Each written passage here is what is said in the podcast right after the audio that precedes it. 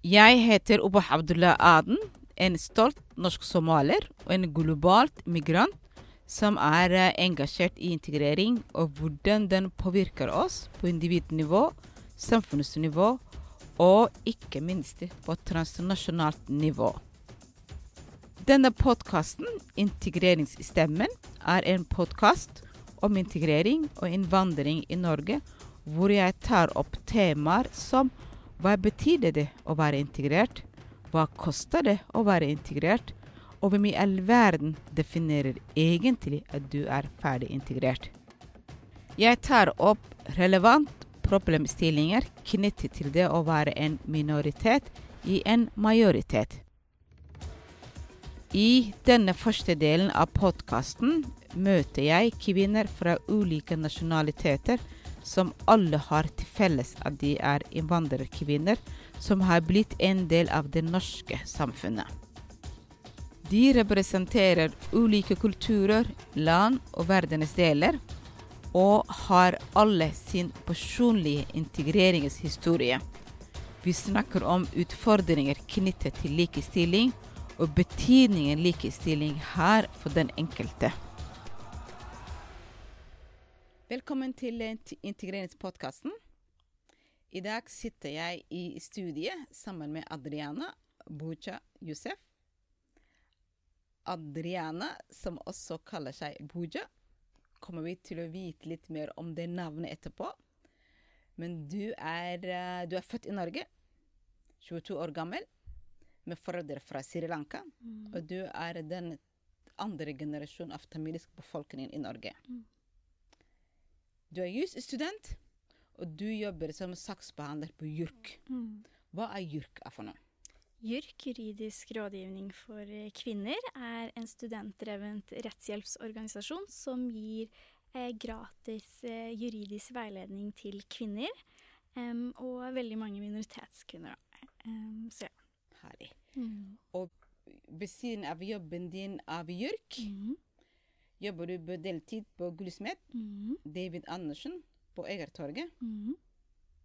Betyr at vi kan få rabatt der også? Hvis man er veldig heldig. kanskje. Kanskje. prøve. Ja. Og i tillegg til eh, gullsmedjobben og jurkjobben, mm -hmm. så har du også ansvaret eh, for takeover Mm. på jusstudentkonten Instagram. Ja. Hva er det for noe? Så Gyllendal, um, Rettsdata, har en konto på Instagram som heter Jusstudent, hvor jeg og to andre studenter har takeover en uke en gang i måneden. Så denne uka så har jeg takeover, og så viser jeg dem litt, litt hva jeg gjør i JURK, og hva jeg gjør som jusstudent, og tar dem med, med gjennom dagen, da. Litt av livet ditt. Litt av livet mitt. Så du kan også reklamere oss der. Jeg har allerede gjort det. To floor med en smekk. Ja. Herlig. Ja. Men du, jeg la merke til at du har to navn. Ja. Adriana og Mhm. Buche. Mm. Som begge er dine fornavn. Ja. Hvorfor har du to fornavn? Det er veldig morsomt at du spør, men jeg har begynt i det siste å si at eh, navnet mitt representerer veldig godt hvem jeg er, og hvordan jeg faller litt mellom to stoler. For jeg har det veldig vestlige navnet som er Adriana, som er litt enklere å kanskje søke jobber med og sånne, sånne ting. Og så har jeg Pooja, som er mitt, mitt sørasiatiske navn, em, som jeg har begynt å identifisere meg mer og mer med nå i de senere årene. Yeah. Og så har jeg også to foreldre fra to forskjellige religioner som også er representert i navnet mitt, fordi faren min er katolsk. Um, der, derav Adriana, litt mer vestlig navn. Mm. Og eh, moren min er hindu, hvor Pooja kommer fra, fra da. Veldig spennende. Mhm. Ja. Og navnet er jo en del av vår identitet. Mhm. Og dere ung generasjon, mm. andre, tredje, fjerde generasjon, så kanskje det tar litt tid til å bli trygg på identiteten mm. din og eh, yes, den uh, selvfølelsen, den tryggheten, kanskje det tar litt tid. Mm. Når jeg hørte at du hadde to navn, så tenkte jeg kanskje dette er en sånn eh, strategisk planlegging med tanke på å få seg jobb, eh, advokatstilling en gang i fremtiden. Det var kanskje det mamma og pappa tenkte, men Så det er ikke ditt eh, tilfelle. Det er ikke derfor i ditt tilfelle. Nei, faktisk så er det litt omvendt, fordi jeg har i de sene årene eh, Mm. som sagt begynt å eie med, mer at jeg heter Pooja, og introduserer meg selv oftere som Pooja. Mm. Em, og det var først nå i år, tror jeg, hvor jeg endret navnet mitt på, eh, til, på Facebook til Adriana Pooja Josef. Eh, for, å, for å vise at jeg har sørasiatiske aner. Mm. mer enn det jeg gjorde før. Eh, yeah. Før så var man dette med selvfølelse, da. Man vokste opp kanskje litt flau over å være utenlandsk, men nå så er jeg veldig stolt over det. Så Ja. det viser litt det. Jeg kan kjenne meg i den forklaringen du gir, fordi jeg Mm. har jo møtt unge jenter som er født i Norge, og som plutselig begynte å bruke hijab.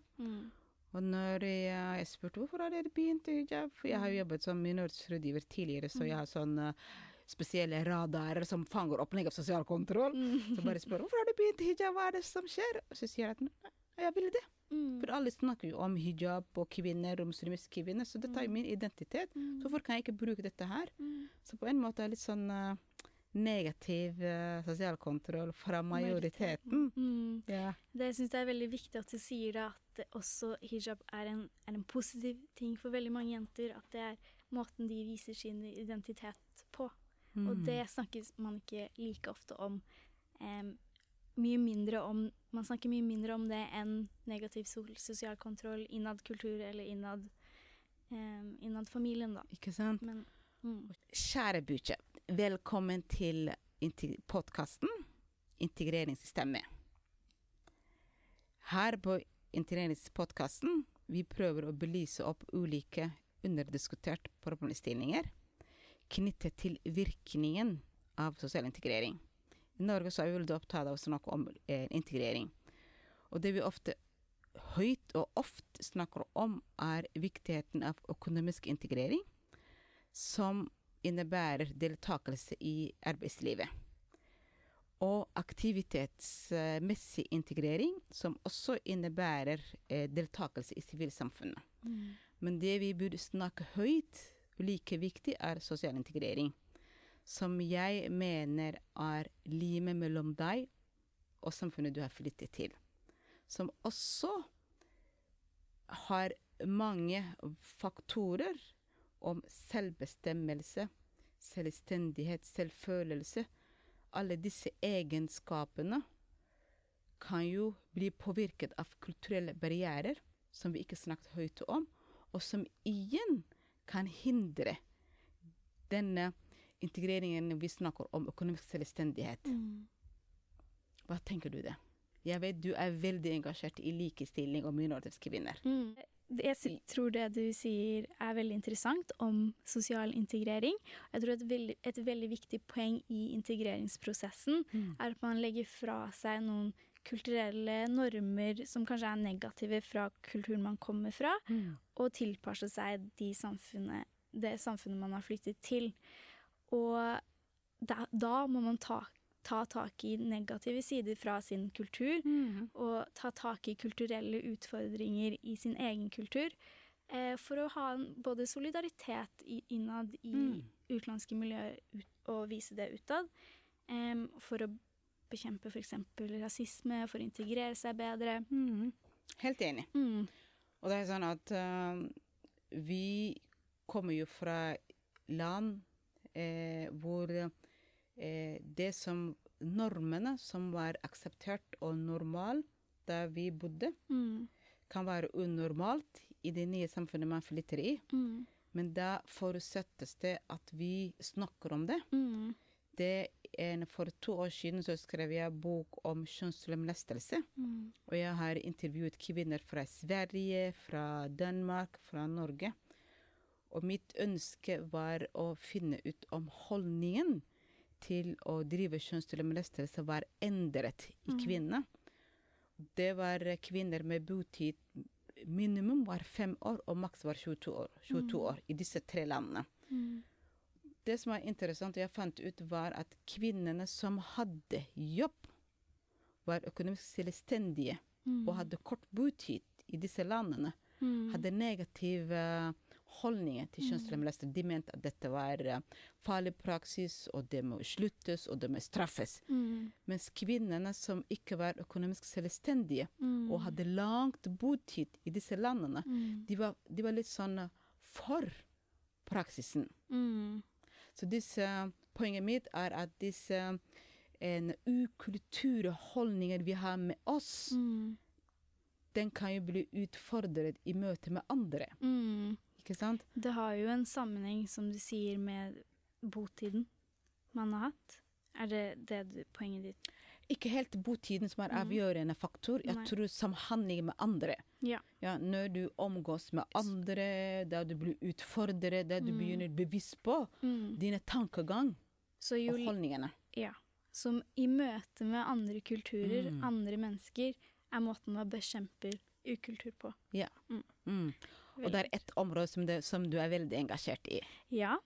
Det er noe jeg, ikke har snakket om før, faktisk, men som jeg har hatt veldig lyst til å snakke om, Gjerne. er um, colorism. Ja. Hva betyr det? Eh, colorism er eh, en måte å definere en type rasisme på. Mm. Eh, Whitening, mener du? ja, eh, på en måte. Mhm. Det er det at i mange asiatiske, sørasiatiske, afrikanske kulturer, kanskje latinske til og med, Mm. at man ser negativt på um, mørkere hud. Mm. Jo mørkere hud du Mm. har, Mm. jo mer negativt er det i kulturen man kommer fra. Yeah. Jo mindre pen er man. ja. Eh, Herregud, jeg fikk gåsehud. ja, Ja, og det, og, det, og det er jo riktig. ja. Mm. Jo mindre pen, jo mindre velstående blir man ansett som.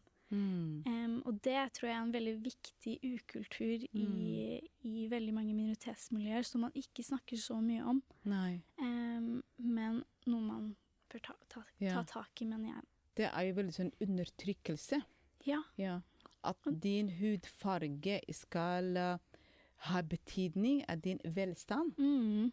Det er jo, det, er jo farlig for velvære og psyken. Mm. Men disse, som du sa, eh, ukulturholdninger, disse usnakkede Mm. eh, verdier Mm. i egne miljøer. Ja. Hvordan kan, vi, eh, hvordan kan vi belyse opp, hvordan kan vi ta det opp? Mm. Fordi eh, du er jo ung, du er andre generasjon. Kanskje du er mer modig å løfte opp eh, disse utfordringene enn f.eks. din foreldregenerasjon, som er litt mer konservativ og litt mer eh, Vi må beskytte eh, tradisjon og kulturen. Mm. Mm. For det første, det du sa i innledningsvis om selvfølelse. Mm. Det jeg tror colorism eh, påvirker veldig individs eh, Spesielt kanskje jenters selvfølelse. Mm. Um, og for det andre så tror jeg den viktigste måten å ta tak i problemene er nettopp å snakke om det. Mm. Uh, som du sier, å møte med andre kulturer, men også å møte med uh, foreldregenerasjonen. Yeah. Og snakke om det uh, med dem, da. Jeg har jo tatt den kampen veldig mye hjemme hos meg, fordi yeah. jeg blir ansett som litt mørkere. Har du det? Mm, OK. faktisk. Yeah. um, og selv om det finnes veldig mange mørkere enn meg igjen, men yeah. også det, ja.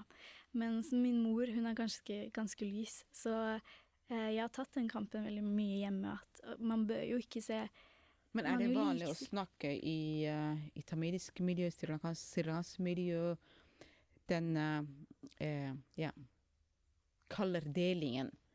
ja, er det altså, normalt? det er veld, jeg, mm, da jeg vokste opp, så hørte jeg veldig mye 'ikke gå, ikke gå ut i sola'.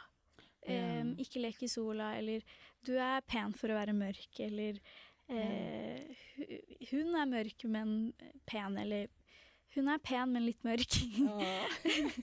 så det, var, det hører man hele tiden, så det er jo veldig sånn indoktrinert i hjernen din at Ja. «Å, jo, hvis man er mørk, så er man ikke pen. Så jeg hadde jo den, det selvbildet om meg selv, da. At Mm. «Å, jeg, jeg er litt mørkere enn de kanskje andre. Ikke Så, sant? så Ja. jeg følte meg aldri liksom trygg, trygg i min egen hud, hadde litt dårlig selvtillit på grunn av det. Ja, Men er det, gjelder, gjelder det bare for jenter, ikke gutter, eller begge? Jeg tror det gjelder mest, mest jenter, Mm. men jeg tror Altså, det er vanskelig å si, eh, for jeg har ikke Men jeg tror ikke menn møter like mye Mm. Fordi kvinner er jo ærbærere. Ja. Ikke sant? Det er familienes ansikt utad, og hun må være pent og anstendig, og Mm. hele patrikalske øh, verdiene der. Det er akkurat det neste jeg skulle si. Om han, en kvinne har veldig med det presset på å kanskje gifte seg, gifte seg tidlig, og, Ja. mens menn skal kanskje mer være providers og jobb, at det er mer akseptert for dem å Ja. ikke fokusere like mye på de tingene. Da. Ja. Mens vi er, eh, kvinner blir ofte veldig definert av hvordan man ser ut. ja. Det med whitening, eller colorizing Mm. Faktisk, jeg uh, visste ikke før uh, et par år siden, fem år siden, fire år siden, da jeg kom i kontakt med ei unge somalisk jente som bor i uh, USA. Mm. Eh, jeg tror hun er nesten verdenskjent. Hun eh, snakker høyt om faren, for dette er jo helseskadelige virkemidler det brukes. Mm. Og fått mange ja, anerkjennelser. Og hun snakker jo høyt at det må forbys, og det må straffes, og eh, du, brenner rett og slett hudet. Og hvis du ser på TikTok, da ser man eh, Og det er jo kvinner, merkelig grunn. Det er kvinner som blander eh, mange rare kremer og bulfer og Sitron og bakepulver Masse. på huden. ja. Og det er noen som kjøper og bruker det. Mm. Men det trengs jo formidling. Det, trengs jo kunnskap om det. ja. Kan det være det er manglende kunnskap at folk eh, bruker det? Altså disse Definitiv mangel på kunnskap i forhold til hvilke virkninger disse stoffene har på huden din. Em, men også reklameringen av disse produktene er jo en kjempestor um, industri i India, disse kremene. Eh, så det er et uh, spesielt merke som heter Fair and Lovely, som er lys og lovely. Yeah. Hvor uh, de store Bollywood-stjernene promoterer på store skjermer i, i India. Da. Ok. Eh, men man promoterer ikke skadevirkningene av disse, disse midlene. Mm. Og jeg var hos legen min en gang, og han sa sånn ikke, altså, ikke bruk Mm. eh, blekingsmiddel. Yeah. Fordi, altså, som du kjøper på i, som selges her i Norge i de det? asiatiske butikker. Fair and Lovely tror jeg skal selges her. I, Det må forbys. Det, hvordan Importen, er det sånn smugling det skjer kanskje? Jeg vet egentlig ikke, men jeg har sett noen asiatiske butikker Mm. selge det. Men jeg tenker jo at eh, innvirkningen av, eh, av bleking i huden, hvordan den kan påvirke jentenes valg til livet, selvstendighet. Mm. Selvstendig handler ikke om at du er økonomisk selvstendig, men selvstendig handler også om at du kan bestemme livet ditt. Mm. Så hvis hun tenker at eh, hun må være pent og hvit og Ja, Mm. hvordan kan vi eh, Hvordan kan vi informere om dette? I- det er jo ikke bare asiatiske, det er jo afrikanske. Altså, det er jo flere kontinenter som har mm. dette som et problem. Mm. Jeg tror veldig mye handler om representasjon i, i mediene. Um, I veldig lenge så har man jo i sørasiatiske Fortsatt i sørasiatiske filmer, i Bollywood blant annet, bare hatt lyse skuespillere. Em, spesielt jentene, da. Har bare vært lyse. Uh, og det er jo ikke representativt for India. I India så har man, i hvert fall jo lenger sør man kommer, jo mørkere er man. Mm. Mens Bollywood-stjernene er ofte veldig lyse, kanskje grønne øyne, eh, som bygger på en vestlig eh, kjønnsideal, da. Ja. Og så tror jeg, så det, jeg tror det er viktig å få medias oppmerksomhet på liksom ha kanskje mørkere skuespillere, for eksempel. Em, nå har man jo masse bra på Netflix, men jeg syns det er litt trist at det er vestlige media som representerer mørke jenter. Mm. Uh, for, for eksempel, jeg vet ikke om du har hørt om den serien Bridgerton? Ja. Ja. ja. Der var, den nyeste sesongen så er det to faktisk Mm. tamilske jenter som eh, er hovedrollene. Yeah. Som er sånn min farge. Yeah. Um, som er veldig bra. Og så har man andre serier hvor, eh, hvor det er mørkere jenter som spiller skuespillene. Og det viser jo at Det viser jo unge jenter som vokser opp, at det å være Mm. mørk også er fint. Det trengs rollemodeller Det trengs rollemodeller. i alle og yrker, i alle Mm. fasonger og Ja. Alle former, alle farger. Ja. Alt. Men du er jo også engasjert i en annen sak, Mm. og det er eh, intern eh, eh, ja, rasisme Mm. innad i våre egne miljøer. Mm. Hva, hva er det du tenker på det? Jeg tror en måte våre kulturer er rasistiske på, er colorism. Men den andre måten, og så tror jeg det også henger sammen, er med et utdatert, veldig utdatert kastesystem. Mm. Um, som yeah. man finner i tror jeg, asiatiske miljøer, og også sikkert afrikanske miljøer. Mm. Vi kaller det klan. Dere kaller det klan. Mm. Mm. Same shit. Same shit. Yeah. Det er shit. yeah. Men uh, også hvor man for eksempel Det her er et dypt kulturelt Ja, problem, tror jeg. Ja. Eh, mm, hvor man ikke kan gifte seg på tvers av kulturer, selv om man kanskje har samme religion, samme språk. Ja. Så kan man, eller veldig mange, eller noen i hvert fall, ikke aksepterer et sånt ekteskap. Man snakker kanskje noen ganger nedverdigende om andre kaster, om Mm. lavere kaster. em, som er veldig trist, fordi man møter på så mange utfordringer Mm. utad fra Mm. majoritetssamfunnet, men så har man så mange problemer innad også. Yeah. Og det, da er det vanskelig å ha en solidaritet i møte med Ja. problemer utad, da. Og nå er, virker det sånn innbilsk. Ja. Ja.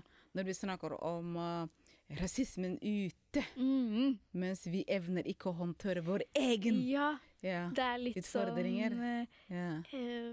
Hva, hva er ordet? Nå er jeg lett etter et ord, men jeg kommer ikke på det. Men yeah. eh, dobbeltmoralsk. Yeah. For vi klager så mye på Mm. rasisme utad og og eh, skal forkjempe det og sånt, men så har vi våre egne holdninger, veldig negative Mm. holdninger til folkegrupper. Undertrykkelse og vi har, vi har det samme. Vi har jo klansystemet. Mm. Eh, jeg tror afrikansk kontinent de har klansystemet. Mm. Eh, men noen deler de har akseptert, og de lever ved siden, av- hverandre. Og de har normene som de må følge seg Mm. etter. Eh, mens i Somalia så klan er jo det faktiske som utløste borgerkrigen i Somalia. Og av merkelige grunner så er det fortsatt klanen som ødela landet, Mm. som fikk oss å bli verdens flyktninger i 30 år. At vi har valgt igjen å styre oss etter klan. Og det som er veldig interessant, er at eh, strukturen, en, strukturen i Somalia, den en strukturen landet skal styres etter, er basert på modell som kalles 4,5. Okay. Og det betyr eh, Somalia består av mange klaner, Mm. men de har uh, hoved, hovedklaner og en underklaner. Det er fire store og en liten klan. Mm. Så det betyr de fire er mindreverdige enn som er halvklan. Mm. Så når landet styres av et urettferdig system, Mm. hvordan kan du forvente at folk skal ha tillit til systemet? Mm. Hvordan skal vi ha tillit med hverandre Mm. når vi allerede har definert at fire klaner er mer verdige enn den halvklanen? Mm. Altså, det er jo så interessant at kaster eller klan har noe å si på et, en styreform Mm. i, i hjemlandet. Mm. Det er jo rasisme innad en, e, en folkegruppe. Og det vi ofte glemmer, er det internasjonale perspektivet, den transnasjonale perspektivet. Selv om vi bor langt unna fra Sri Lanka og Somalia. Det som skjer i hjemlandet vårt, påvirker jo oss. Mm. Så hvis det skjer urettferdig undertrykkelse som ingen håndterer det, så tar folket selvfølge at sånn skal det være. Og dermed mener jeg at vi, diasporaen, Mm. som bor et fredelig land, som alt er transparent, vi har regler vi skal forholde oss til, vi har den tryggheten vi trenger, da må vi tørre å adressere ukulturen, Mm. slik at de i hjemlandet begynner å våge å si dette går ikke. Ja. Men hvis vi er tause Tause betyr at du aksepterer. Så skjer det ikke pro progresjon. Det skjer in ingen endring. Nei. Men det er veldig interessant, for jeg tror kanskje at det stiller seg annerledes til tamilske miljøer. Mm. For jeg tror at i hjemlandet så har man vært veldig progressive Mm. når det kommer til religiøse, religiøse forskjeller, eh, altså folkegrupper og kanskje også kastesystem.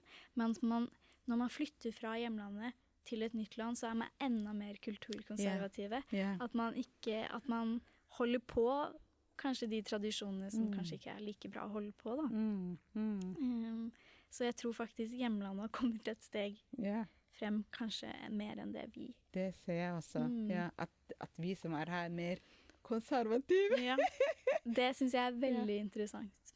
Det er veldig interessant. Jeg tror det, det har jo en sammenheng med at man har et enda sterkere ønske om å beholde, bevare sin kultur Mm. når man møter i, i et møte med en annen kultur. Ja. Men for eksempel, tror du at det er forskjell mellom uh, tamilere i Norge enn eksempel tamil, tamilere i, eller srilankere i London, i USA, Mm. med tanke på den kultur... Uh, uh, konservatismen, holdningen til kultur, er de mer liberale, er de, er, eller er de mer konservative enn f.eks. tamilere i Norge? For jeg ser at de som vi i Norge, ikke Norge, til og med Sverige, er mer eh, liberale enn oss. Og det er kanskje noe med majoritetskulturen som påvirker deg, kanskje? Mm. Jeg tror at Altså, jeg har jo mange venner i London, eksempel. Og i møte med dem så har de eh, For det første så bor de i mer Altså, det er veldig mye, mange innvandrere i London, Mm. mer enn i Norge. Mm. At eh, de har mer et sånn samhold med alle minoriteter. Mm. Sånn alle eh, pakistanere, indere, tamilere, beng, ba, eh, folk fra Bangla, Bangladesh. De er på en måte ett. Mens i Norge så skiller vi litt mer. Mm. Så deres kultur er på en måte en miks av alle de kulturene. Mens i Norge så er vi mer delt. At sånn, OK, eh, somaliere er én, tamilere er én. Eh, Individualistiske vi blir. ja, eh, men at de er mer De holder mer på kanskje Jeg tror kanskje nordmenn, eller norske tamilere, er mer integrert i det norske samfunnet. Yeah. Uten at jeg er helt yeah. sånn Det var litt Jeg må reflektere litt mer på det. Men jeg tror du er noe inni på der. Mm. At jeg også ser at uh, vi er mer uh, Jeg sier at vi er blitt mer egoistiske. Ja. Ja, vi, vi, vi er vi. Vi må fokusere hele vårt og lille, lille kjernefamilien. Mm. For eksempel somaliere i andre land er mer uh, kollektivist, mer uh, tenkning. De tenker sånn ja, som vi. Mm. Ja, som den store familien. Mm. Eh, og det igjen kan hende at det er noe med omgivelsen, miljøet, som eh, påvirker her i Norge. Så er det kjernefamilien som har stor betydning. Det er vi, vi, vi. Ja. Og så savner jeg også det samholdet mellom forskjellige innvandrergrupper, da. Mm. Eller sånn for, eh, vår, oss andre generasjons innvandrere, vi er veldig sånn all, Vi kan føre en spesiell tilhørighet til alle andre andre generasjons innvandrere. Mm. Mens kanskje førstegen er veldig sånn OK, tamilere, vi er en gruppe. Mm. Eh, pakistanere, vi er én gruppe. Indere, vi er én gruppe. Men sånn ikke så mye på tvers, da. Yeah. Men selv, selv om vi møter på de samme utfordringene, Yeah. at man ikke har en sånn like stor solidaritet utad. Da må dere som er født i Norge, begynne denne kampen og lage sånn solidaritet. Ja, for jeg tror man kunne bekjempet mye yeah. problemer og utfordringer sammen, da. Fordi ut fra det vi har tatt opp i dag, det med kolorismen, eh, intern rasisme i, i vår egne gruppe Vi har jo felles utfordringer. Mm, akkurat. Så det må vi kunne se hvordan vi kan håndtere disse utfordringene sammen. Mm, Flertallet er jo mer styrkere enn bare én. akkurat. Mm. Akkurat. Man må snakke høyere om de Ja. problemene man har innad, som er veldig like for eh, alle, Ja. eller for veldig mange kulturer, i hvert fall. Og jeg tror at eh, de utfordringene vi har tatt opp eh, nå i dag, tror jeg ikke at vi har Det er blitt belyst tidligere i åpen eh, plattform som den her. Ja. Derfor vi har den integrerte podkasten Ja. og ta opp eh, tabutemaer. ja, fordi i min eh, egen podkast, som Den er litt død nå, så ikke gå og finn den, men um, der så var vi veldig beskjedne på å snakke om f.eks. kassesystemet. Ja. Fordi det blir ikke snakket om så mye. Mm. Mm. Hvordan ble dere møtt etterpå? eh, I Ja, etter det snakket om kassesystemet? Altså, vi har ikke snakket om det. Dere har ikke gjort OK. Fordi vi har vært litt sånn Mm. Vil ikke tråkke helt feil Mm. eh, når det kommer til det. Så yeah, mm. yeah. Men den frykten, den ligger jo der. Hva om vi blir straffet? Mm. Eh, Fordi vi avslørte noe hemmelig som ikke du skulle ha gjort. yeah. Og selv om f.eks. Somalia styringsstrukturen er jo 4,5. Det er jo internasjonalt kjent. Mm. Men likevel så ikke. våger vi ikke Nei. snakke om det. Nei. Vi vet at alt det onde Mm. ligger i den strukturen. Mm. Men likevel så tør vi ikke snakke om det. Mm. Jeg tror det handler litt om sin stolthet over sin identitet. Da. At man kanskje ikke vil godta at selv i våre kulturer, som man er Mm. så veldig stolt av også, men har negative tendenser. Men det kan man jo si om alle kulturer, det kan man si om norsk kultur også. Mm. Det er veldig, veldig mye bra, men så er det jo også noen negative. Mm. Men det er det i alt, og det må man ta tak i. Mm. Mm. Så det du sier, at vi trenger en sånn plattform hvor vi kan ta opp uh, ukultur som finnes i alle kulturer. Mm. Ja. Det var veldig godt sagt. Min, Mitt motto er jo for å bekjempe fordommer, så må man eh, snakke om det. Ja. Men du, du har jobbet også en annen sak, negativ sosial kontroll. Mm. Hva er det, hva tror du medisin er for dette? Eller hvordan kan vi uh, forebygge? Det er veldig opptatt av forebygging. Mm. Eh, og fra eldre generasjon, da, da skiller jeg ofte. Det er det oppdragelsesfeil, mm. frykt, eh, uvitenhet om systemet. Men fra ungdommens perspektiv, hva tror du det kan være løsningen? Hvordan kan vi forebygge at eh, ingen gutter og jenter blir utsatt for negativ sosial kontroll? Altså, du, altså vi har, jeg føler vi også har kommet veldig langt Mm. nå de siste årene, fordi det har blitt snakket veldig mye om i media, i bøker og, Mm. videre. Men eh, Og så har man det store, som er integreringspolitikken, Mm. på det store plan. Mm. eh, som er, kan være med. Altså det, tak i, det å ta tak i både foreldregenerasjonen når det kommer til integrering, Mm. og integreringspolitikken er jo en veldig viktig måte å, å forebygge på. Det tror jeg alle kan være enige om. Men på det mindre plan så tror jeg alt handler om å ha tøffe samtaler. Å ha tøffe samtaler hjemme, og tøffe samtaler med venner. Em, og så er det også det perspektivet om at man møter negativ sosial kontroll inn i familien, og så møter man også negativ sosial kontroll i, fra storsamfunnet. Mm. Som jeg også tenker nå i det siste har vært veldig viktig, da, fordi man har snakket så mye om hijabforbud og Mm. internasjonalt og sånne ting. Og det er jo en, altså det er en negativ kon sosial kontroll Mm. fra storsamfunnet. Mm. Og kanskje også norske jenter blir skremt av det, eller Mm. angrep i Danmark. Um, Mm. og at man snakker om de tingene også, eh, for å få et mer sånn balansert syn på negativ sosial kontroll, og hvordan det kan forekomme hos Altså i alle Mm.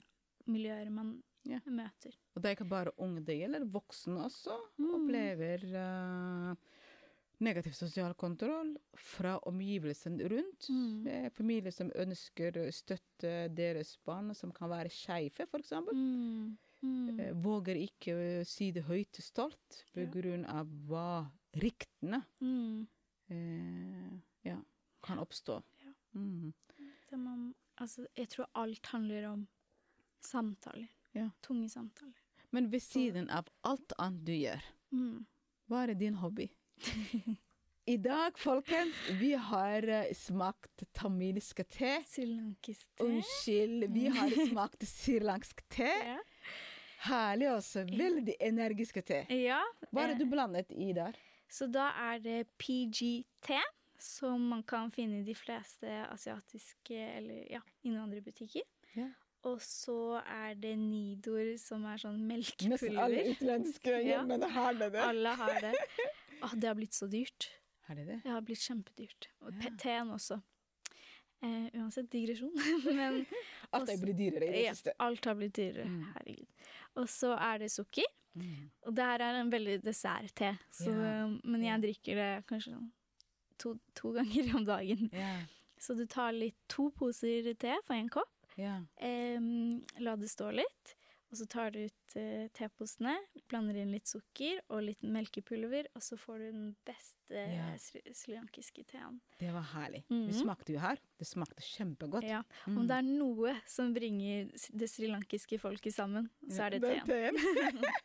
det samme også somaliske. Ja. Men vår er veldig krydret. Vi bruker kardemomme, Så det ingefær, nellik Ja, Ja. som chai. Som chai. Mm.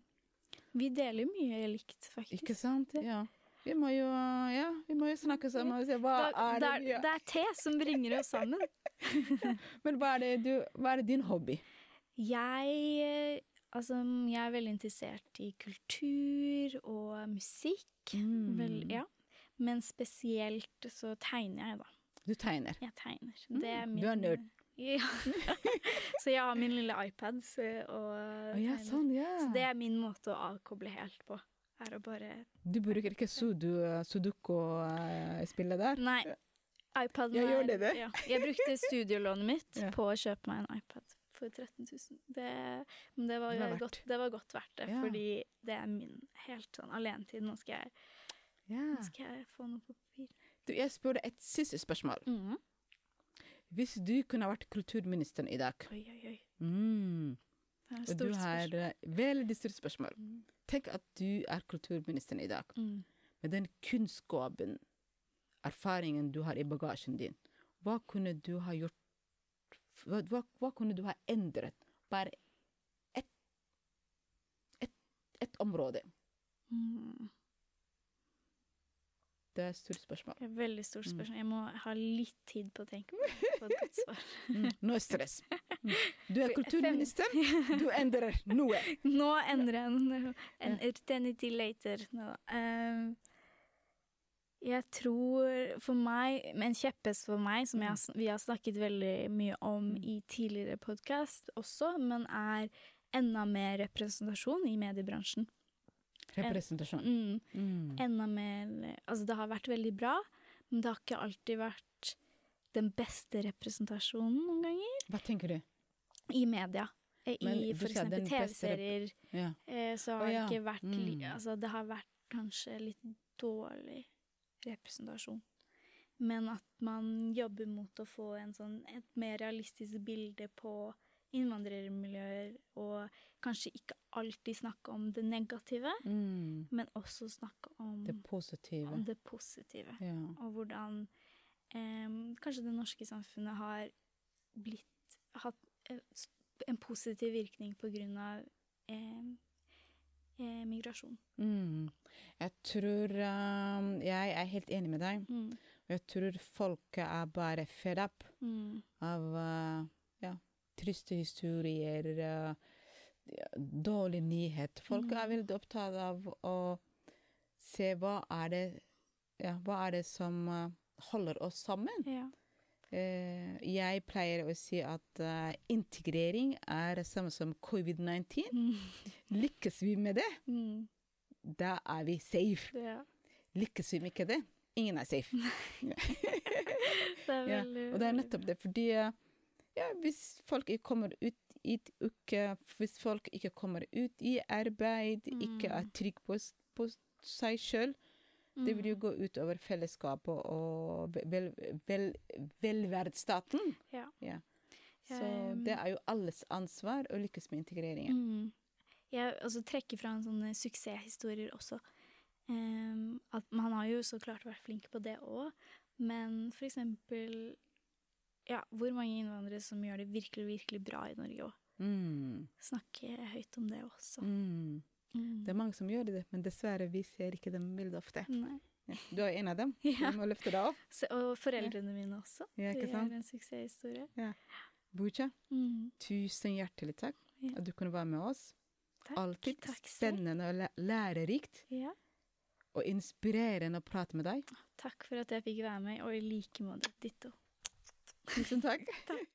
Du har hørt en episode av Integreringsstemmen, podkasten om integrering og innvandring i Norge. Integreringsstemmen er en podkast fra Kramo Voice, The Voice of Dignity.